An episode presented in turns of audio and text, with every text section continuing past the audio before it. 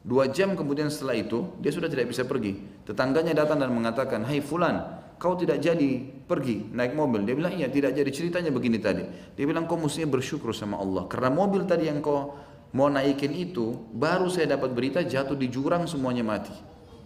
Satu mobil semuanya mati. Dari supir sampai semua penumpangnya. Yang tadinya dia gerutu, sekarang dia bilang, Alhamdulillah. Sesungguhnya kami telah mengutus Rasul pada tiap-tiap umat. Artinya berarti biar satu orang akan sampai kepadanya dakwah para nabi dan rasul.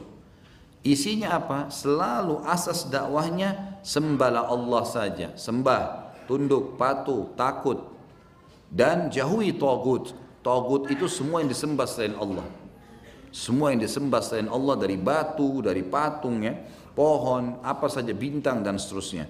Ini mirip juga dengan hadis Nabi SAW yang hadis eh, riwayat Bukhari yang berbunyi waktu selesai sholat subuh lalu hujan di Madinah. Dari malam semalam suntuk hujan terus sampai subuh. Waktu Nabi SAW sholat subuh hujannya berhenti tapi sudah basah semuanya. Maka Nabi SAW selesai sholat lalu berkata bersabda sesungguhnya Allah telah berfirman telah tiba pada pagi hari ini pagi hari ini hamba-hambaku yang beriman padaku dan kufur kepadaku. Lalu para sahabat bertanya bagaimana ya Rasulullah? Kata Nabi SAW Allah berfirman mengatakan siapa pun yang mengatakan hujan ini turun semalam karena Allah maka dia telah beriman pada Allah dan kufur kepada bintang-bintang. Dan siapa yang mengatakan hujan ini terjadi semalam karena bintang ini dan bintang itu dia telah beriman pada bintang dan kufur kepada Allah. Sampai hujan turun pun tidak boleh kita katakan oh hujan ini karena sudah musimnya malah. Karena hujan hujan turun kuasa Allah. Sekarang bulan Agustus bukan musim hujan tapi masya Allah hujan terus. Kuasa Allah kalau Allah mau membolak-balikkan apa saja bisa, gitu kan? Kuasa sang pencipta Allah. Allah menyuruh kita kufur kepada semua tagut. Kita disuruh kufur kepada semua tagut, ya. Sampai dalam sebuah pepatah bahasa Arab dijelaskan tentang masalah memahami kalimat la ilaha illallah dengan tujuh syaratnya ditambah delapan oleh para ulama akidah. Dalam sebuah syair bahasa Arab dikatakan wa syurutin sab'atun qad kuyidat dan di tujuh hal syarat telah terikat dalam masalah kalimat la ilallah ya.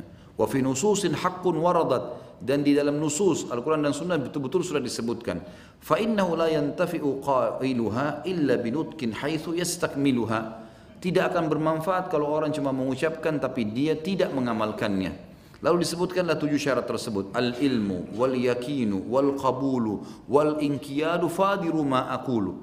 Jadi ilm harus yakin punya ilmu bahwasanya Allah memang tidak ada Tuhan selain Dia. Harus itu ilm dengan cara belajar. Ya. Dalam ayat dikatakan fa'lam annahu la ilaha illallah. Belajar kalian, cari tahu tentang la ilaha illallah itu. Belajar dalam konsep-konsep akidah, belajar bagaimana Nabi SAW tanamkan tentang masalah tauhid ini kepada para sahabatnya. Kemudian yang kedua, kalau sudah punya ilmu, seperti antum hadir di majelis ilmu begini, apa yang muncul? Yang kedua, Al-ilmu wal yakin akan muncul keyakinan. Keyakinan ini adalah pondasi tangga yang kedua. Antum kalau sekarang sudah tahu, oh ternyata saya kalau ada musibah yang ciptakan saya Allah, ciptakan musibah Allah yang juga berikan jalan keluar Allah. Tinggal muhasabah apa penyebabnya. Oh dosa saya, saya tinggal istighfar. Nikmatin prosesnya pasti fa innamal usri yusra. Konsepnya keyakinan. Selesai, jalani saja. Dan tidak ada solusi tercepat, terdekat, paling tepat kecuali itu. Al ilmu wal yakin wal qabul. Kemudian kabul menerima semua apa yang Allah sudah takdirkan. Terjadi apa pun alhamdulillah. Apa pun wal inqiyadu fadilu ma aqul. Al inqiyad adalah setelah kita menerima kita akan mengembalikan hasilnya kepada Allah. Mau kena banjir mau kena kebakaran mau kena apa mukmin tahu masalahnya tinggal muhasabah istighfar kepada Allah Allah bisa mengembalikan segala sesuatunya cuman Allah memberikan kepada kita apa yang kita minta dan Allah juga mengangkat sesuatu yang sedang menimpa kita sesuai dengan perhitungan kita manusia dalam arti kata punya proses. Saya pernah kasih contoh masalah ini teman-teman. Kalau kita lapar, minta kepada Allah dihilangkan lapar. Ya Allah hilangin lapar saya. Apa laparnya tiba-tiba hilang kalau Allah kabulkan? Tidak. Ada proses. Kita dapat makanan, kita kunyah, ditelan, masuk ke usus, diproses dulu, kemudian baru kita kenyang. Capek, ya Allah capek. Baiklah, Allah buat kita ngantuk, tidur. Beberapa jam bangun kita sudah sehat. Haus, kita minum air, gitu kan. Semua ada proses. Sama kita diberikan nikmat melalui proses manusiawi kita. Dibuat variabel-variabel orang akan bisa berhubungan dan mendapatkan. Kemudian teman-teman kalau mau diangkat sesuatu dari kita juga dengan cara manusiawi. Tapi kita tinggal bagaimana mengontrol dengan ya ilmu kita.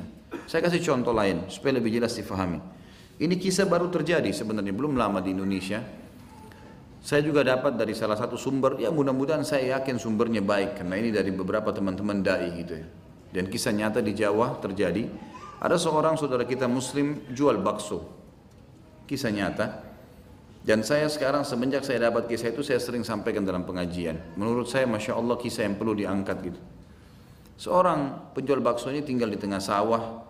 Kemudian dia setiap hari keluar ngangkat baksonya, lewatin sawah-sawah sampai dapat di jalan raya desa, kemudian tunggu mobil angkot. Yang mobil angkot ini mungkin cuma lewat sekali dalam sehari, kemudian naik pergi ke desa, Kemudian setelah menjual baru dia kembali lagi ke rumahnya. Setiap hari dia selalu berdoa sama Allah agar dimudahkan dan diberkahi. Dan Allah kabulkan, dikasih terus.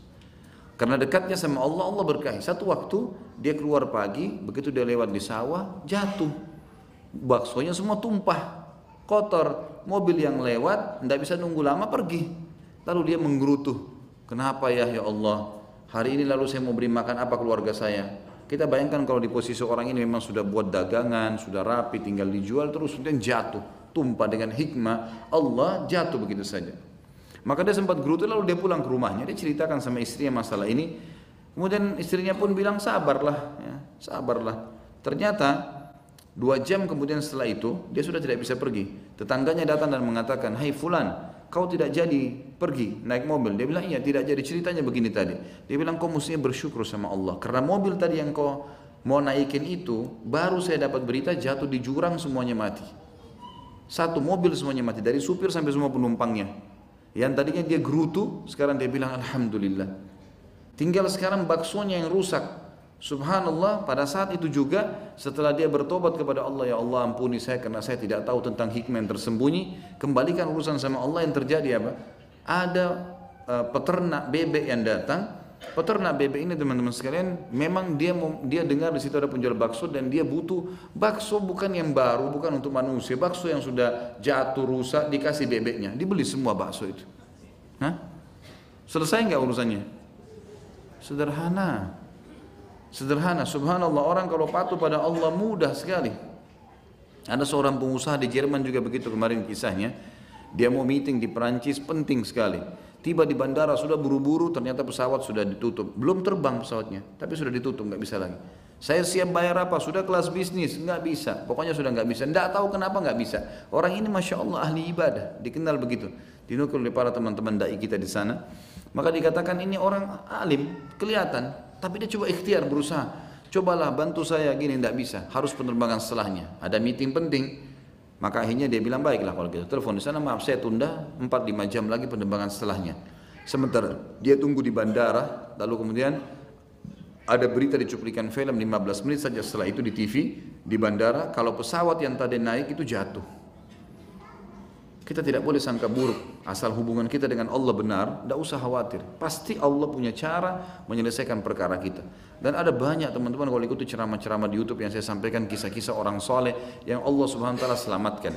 Dan pelajaran kita ambil dari orang yang terdahulu teman-teman, yang sudah berlalu. Dari orang-orang soleh yang sudah meninggal itu ibro dan pelajaran. Bukan diambil dari orang yang masih hidup yang akhirnya masih bisa dia melakukan kesalahan-kesalahan. Ini pelajaran-pelajaran yang harus kita hubungkan dengan bagaimana kalau seseorang menjalin hubungannya dengan sang pencipta dan mengesahkan itu. Tidak usah bergantung kepada selain Allah subhanahu wa ta'ala. Firman yang lain surah Al-Anbiya ayat 25 yang berbunyi A'udzu billahi minasyaitonir rajim wa ma arsalna min qablika mir rasulin illa nuhi ilaihi annahu la ilaha illa ana fa'budun dan kami tidak mengutus seorang rasul pun sebelum kau hai Muhammad semua utusanku kata Allah Termasuk kamu hai Muhammad, melainkan kami wahyukan kepada masing-masing di antara mereka bahwasanya sampaikan, tekankan kepada semua manusia itu tidak ada Tuhan yang berhak disembah, yang berhak untuk dicintai, ditakuti, dihormati, ditunduki melainkan aku. Maka sembahlah oleh kalian semua aku. Hanya bergantung kepada Allah. Nikmatin proses teman-teman sekalian. Mohon kepada Allah dengan tulus, dengan ikhlas. Allah akan kasih. Karena Allah menjanjikan itu. apa pun wa atakum min kulli ma sa'altumuh. Semua yang kalian minta sudah diberikan. Dan tadi saya sudah kasih contoh. Berapa kali lapar kita hilang berapa kali haus kita hilang. Padahal kita cuma bilang loh ya lapar. Hilang tuh laparnya. Kalau tidak antum tidak bisa hadir di majelis ini. Sudah mati orang kalau tidak makan. Tiap hari dipenuhi kebutuhan kita. Sebagian kecil saja yang belum dikasih Kemudian juga firman Allah surah Az-Zumar ayat 64. A'udzu billahi minasyaitonir rajim. Qul afa ghairallahi ta'muruni a'budu ayyuhal jahilun.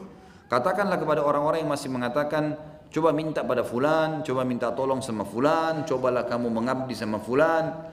Katakan kepada mereka, apakah kali kamu menyuruh aku menyembah selain Allah hai orang-orang yang tidak punya pengetahuan? Salah teman-teman sekalian. Kalau kita mengetuk pintu-pintu manusia, maka Allah akan membiarkan kita dengan keterhinaan tersebut. Kalau kita mengetuk pintunya Allah, Allah akan menggerakkan makhluknya untuk datang. Ingat. Jadi harusnya kita menggantungkan nasib kita kepada Allah Subhanahu wa taala. Firman Allah yang kita sudah hafal semua surah Al-Fatihah ayat 5, Iyyaka na'budu wa iyyaka nasta'in. Hanya kepadamu selalu kita ulangi. Berapa kali kita ulangi Al-Fatihah dalam surat wajib dan surat sunnah? Puluhan kali. Setiap harinya. Hanya kepadamu kami menyembah, Menyembah tadi saya bilang tunduk, patuh, cinta dan hormat. Dan hanya kepadamu lah kami meminta pertolongan. Baik, ucapan. Ini ucapkan teman-teman. Banyak kita minta tolong sama Allah kalau penyakit kronis saja supaya disembuhin. Bukan itu. Minta mobil, minta motor, minta rumah, minta apa saja kepada Allah sang pencipta. Minta, ucapkan semuanya. Makin sering kita bergantung pada Allah, makin manja kepada Allah, maka Allah makin cinta sama hamba seperti ini. Bahkan kalau kita tidak meminta kepada Allah, Allah marah. Hadis sahih riwayat Tirmidzi, kata Nabi SAW, Man lam yadu Allah yaghdab alaih. Siapa yang tidak mohon, tidak merengek, tidak manja sama Allah, malah Allah marah padanya. Keluarlah dari hadis ini pepatah bahasa Arab yang mengatakan, Janganlah kau minta pada manusia, kalau kau minta padanya maka dia akan marah. Manusia kalau kita minta sekali, dua kali dia akan marah, sepuluh kali. Ini orang apa nih bolak-balik? Tapi mintalah kepada zat yang kalau kau tidak minta malah dia marah. Allah malah marah.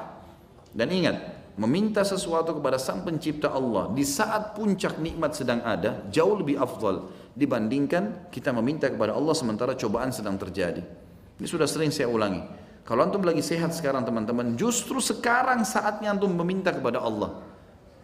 Kenalilah Tuhanmu kata Nabi SAW dalam keadaan kau lagi nikmat, lagi sehat, lagi ada rezeki, maka dia akan mengenalimu pada saat kau sedang susah. Kita kebanyakan kalau lagi besar nikmat, sholat jadi malas. Bagaimana bisa Allah bukakan rezeki buat antum teman-teman? Ada orang subhanallah baru dikasih motor baru, memandangi motornya saja sudah cukup untuk membuat dia tidak sholat berjamaah di masjid. Nah? Oh iya. Orang sentuh sedikit takut lecet. Apa ini? Cinta dunia yang luar biasa. Hah? Apalagi kalau sudah dikasih mobil sama Allah. Apalagi kalau ini, apalagi kalau itu. Ada hadis kudsi, ada hadis ada sebuah hadis sahih kata Nabi SAW, Allah hadis kudsi, Allah, uh, hadis hadis hadis biasa tapi perkataan Nabi SAW menjelaskan tentang Allah. Allah berkata kepada malaikatnya, luaskan rezekinya hambaku si fulan karena dia kalau saya kasih dia selalu bersyukur. Ada orang yang begitu subhanallah. Dikasih motor bersyukur kepada Allah. Ada orang yang mau pinjam dipinjamin. Dia ringan di situ. Allah pasti orang seperti ini dimudahkan. Dikasih mobil, dia bertambah bersyukur. Tambah digunakan untuk bakti sama orang tuanya, gitu kan. Tambah pergi mengunjungi orang tuanya, tambah melihat orang-orang susah, tambah mengantar tamu-tamu. Allah mudahin. Saya lihat subhanallah jemaah saya yang pergi umroh dengan saya. Saya lihat di antara mereka ada yang mampu dan ada yang tidak mampu. Saya lihat cara sederhana dengan kacamata saya pribadi ya saya tidak menyebutkan nama siapa pun, tapi saya lihat kejadiannya. Semua jemaah saya yang punya kemampuan, masya Allah, yang Allah bukain rezeki, yang kaya raya memang di Indonesia. Memang di sana itu saya lihat sendiri dia dia di lapangan memang royal sekali, royal sekali. Kalau ada jemaah-jemaah lain kadang-kadang beli kurma 10 real untuk dibagiin orang dia beli kurma ajwa 100 real dibagiin di bus, gitu kan. Jadi makin ringan dia, makin dia bersyukur kepada Allah. Jadi rezekinya tidak pernah berhenti beli hadiah buat ponakannya, beli si fulan untuk si fulan. Kelihatannya kayak mubazir, tapi dia berbuat baik. Sedekah itu dalam Islam. Dan saya lihat jemaah saya terbalik. Ada orang yang, ah nggak usah beli ini ya, nanti begini. Dia perhitungan, ya sudah. Dikasih sama Allah sudah dengan perhitungannya dia. Gitu kan. Kalau di jalan Allah tidak ada namanya hitung-hitungan. Ini membutuhkan semua kekuatan keimanan kepada Allah Sang Pencipta. Kemudian dalam surah An-Nahl ayat 2. A'udzu billahi minasyaitonir rajim. Yunazzilul malaikata birruhi min amrihi ala man yasha'u min ibadihi an anziru annahu la ilaha illa ana fattakun. Dialah sang pencipta Allah yang telah menurunkan para malaikat dengan membawa wahyu dengan perintahnya kepada siapa yang dia kehendaki di antara hamba-hambanya. Maksudnya para nabi-nabi dan rasul. Yaitu agar manusia tadi yang jadi rasul dan nabi itu disuruh peringatkanlah oleh olehmu sekalian bahwasanya tidak ada Tuhan yang berhak disembah melain aku maka hendaklah kamu bertakwa kepadaku. Yang ketiga dalil nakli berita dari Rasulullah sallallahu alaihi wasallam tentang uluhiyah Allah yang maha tinggi dan maha pemurah seperti dalam pesannya kepada Muadz bin Jabal radhiyallahu anhu ketika diutus ke negeri Yaman falyakun awwalu ma tad'uuhum يوحد الله تعالى Hendaklah seruan awal yang kamu seru kepada mereka semua adalah hendak mereka mengisahkan Allah yang maha tinggi dan maha pemurah. Juga sabda Rasulullah SAW kepada Muadz bin Jabal dalam hadis yang lain. Tentu hadis pertama tadi riwayat Bukhari Muslim. Hadis yang kedua juga hadis riwayat, Muslim, riwayat Bukhari Muslim. Ya Muadz, atadri ma haqqullahi alal ibad? Kala Allah wa Rasulullah a'lam. Qala an ya'buduhu wa la yusyriku bihi syai'a. Wahai Muad, apakah kau tahu apa haknya Allah atas hamba-hambanya? Ia menjawab Allah dan Rasulnya yang lebih mengetahuinya. Beliau bersabda, beribadah hanya kepadanya semata dan tidak menyekutukan satupun dengannya. Itu haknya Allah yang harus kita berikan. Selebihnya Allah akan berikan hak kita. Sabda Nabi SAW kepada Ibnu Abbas radhiyallahu anhu dalam hadis riwayat Tirmidzi dengan sanad hasan sahih. Kata Nabi SAW, "Idza sa'alta fas'alillah wa idza ista'anta fasta'in billah." Ketahuilah wahai Ibnu Abbas, sepupu beliau radhiyallahu anhuma, apabila kau memohon, maka memohonlah kepada Allah dan apabila kamu minta pertolongan hanya minta tolonglah kepada Allah. Dan saya sudah kasih contoh tadi, kalau kita minta kepada Allah, Allah akan jadikan makhluknya berkhidmah, memberikan kepada kita. Makin kita royal di jalan Allah, makin Allah bukakan pintu-pintunya. Juga sabda Nabi SAW kepada seseorang yang telah berkata kepada beliau atas kehendak Allah dan kehendak anda dalam hadis sahih riwayat Nasai, maka Nabi SAW, orang ini kebetulan datang ke Madinah. Lalu kata Nabi SAW, kau sudah tiba? Dia bilang, iya, atas kehendak Allah dan kehendak anda. Kata Nabi SAW, kul masya Allah wahda. Katakanlah hanya dengan atas kehendak Allah saja. Tidak ada hubungannya dengan saya. Tidak ada hubungannya dengan saya. Ini kadang-kadang subhanallah kalau saya teringat saya sering, oh, ini harus memang diucapkan begini. Ustaz terima kasih Ustaz saya kenal dengan ceramahnya saya jadi dapat petunjuk begini-begini. Bukan karena saya akhi. Bukan karena saya ukti, karena Allah. Saya pun tidak tahu kenapa saya harus berbicara seperti ini. Kadang-kadang saya subhanallah kalau lagi ceramah, lagi bicara terlintas cerita apa, saya juga sendiri seperti orang yang tidak tahu kenapa itu ada, gitu kan. Maka cuma jadi penyebab dan saya bersyukur kepada Allah tentang masalah itu. Tapi yang menjadi penyebab antum dapat hidayah bukan Khalid Basalama, bukan si fulan, bukan si fulan, tapi Allah sedang menginginkan kebaikan buat antum. Semua orang yang digerakkan datang ke majelis ilmu, ke masjid, mau ibadah, itu Allah berarti sayang dengan antum. Bukan karena pembicaranya. Enggak ada hubungannya. Saya pun Allah sayang dengan saya karena saya diberikan kesempatan menyampaikan agamanya. Antum pun secara pribadi disayang oleh Allah karena bisa hadir. Hanya antum punya panduan. Jadi sebenarnya kita ini cuma jadi sebab, tapi Allah menunjukkan rasa cintanya kepada hambanya. Dan ini sesuai dengan sabda Nabi SAW. Kalau Nabi saja katakan, apalagi cuma dai-dai kecil seperti kita. Betul-betul orang ini datang dan selamat masuk ke Madinah lalu bergembira dia mengatakan saya tiba karena Allah dan karena anda. Padahal bahasanya santun. Allah dulu baru Nabi SAW. Nabi mengatakan tidak. Katakan atas kehendak Allah saja. Gak ada hubungannya sama saya. Nabi SAW juga manusia gitu ya. Seperti itulah. Kemudian beliau bersabda tentang uh, tentang menyalahi uluhiyah Allah Subhanahu wa taala. Artinya ada orang yang keluar dari masalah ini karena dia berbuat menyekutukan Allah dengan makhluknya. Seperti beliau mengatakan inna akhwafu ma inna akhwafa ma akhafu alaikum asyirkul asghar qalu ya Rasulullah ma asyirkul asghar qala riya inna Allah tabaraka wa taala yaqul yawma tujazil ibadu bi amalihim idhabu ila alladhina kuntum turauna bi amalikum fid dunya fanzuru hal tajiduna indahum jaza Sesungguhnya yang sangat aku khawatirkan terhadap kalian adalah syirik kecil. Syirik menyekutukan Allah, partisipasikan Allah dengan makhluknya, tapi kecil. Syirik besar tentu ada. Syirik besar adalah meminta-minta pada kuburan, menyembelih kepada selain Allah, ya, dan seterusnya menggunakan jimat-jimat. Para sahabat bertanya ya Rasulullah, apa syirik kecil itu? Beliau menjawab, ria. ya, memperindah ibadah untuk makhluk. Dan ini tentu lawannya ikhlas. Ikhlas sebab diterimanya amal. Lawan ikhlas ada dua, ria memperindah ibadah karena makhluk dan ujub berbangga-bangga dengan ibadah itu.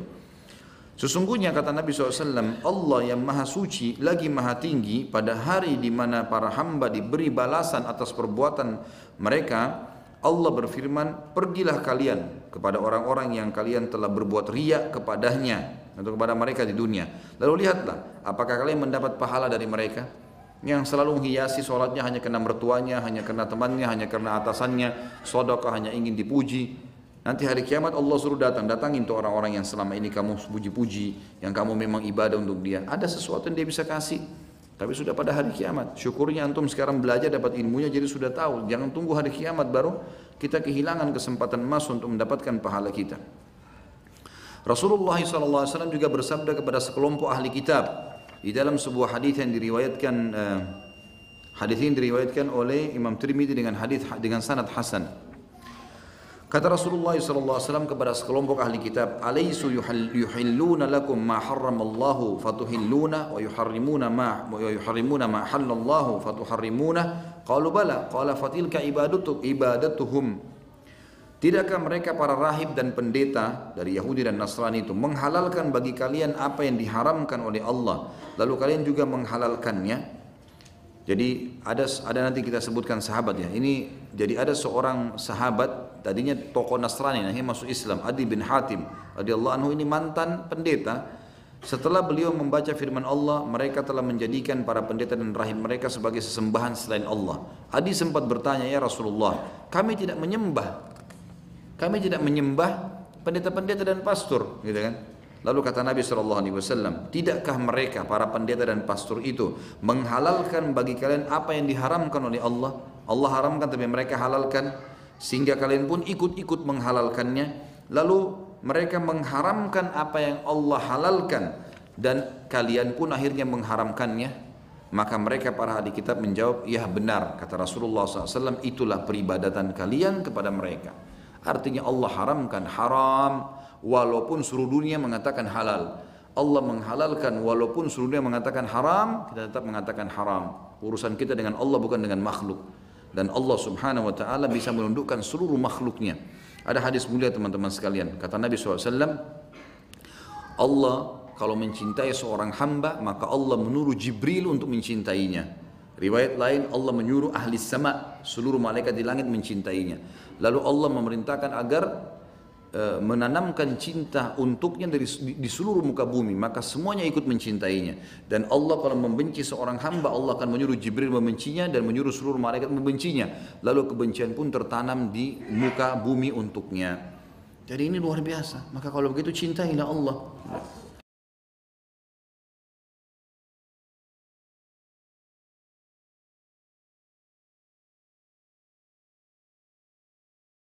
Assalamualaikum. Untuk pemesanan paket umroh murah Bisa menghubungi 0821 4196 0857 Kami ulangi sekali lagi Untuk pemesanan paket umroh murah Bisa menghubungi 0821 4196 0857 Sekali lagi 0821 4196 0857 Terima kasih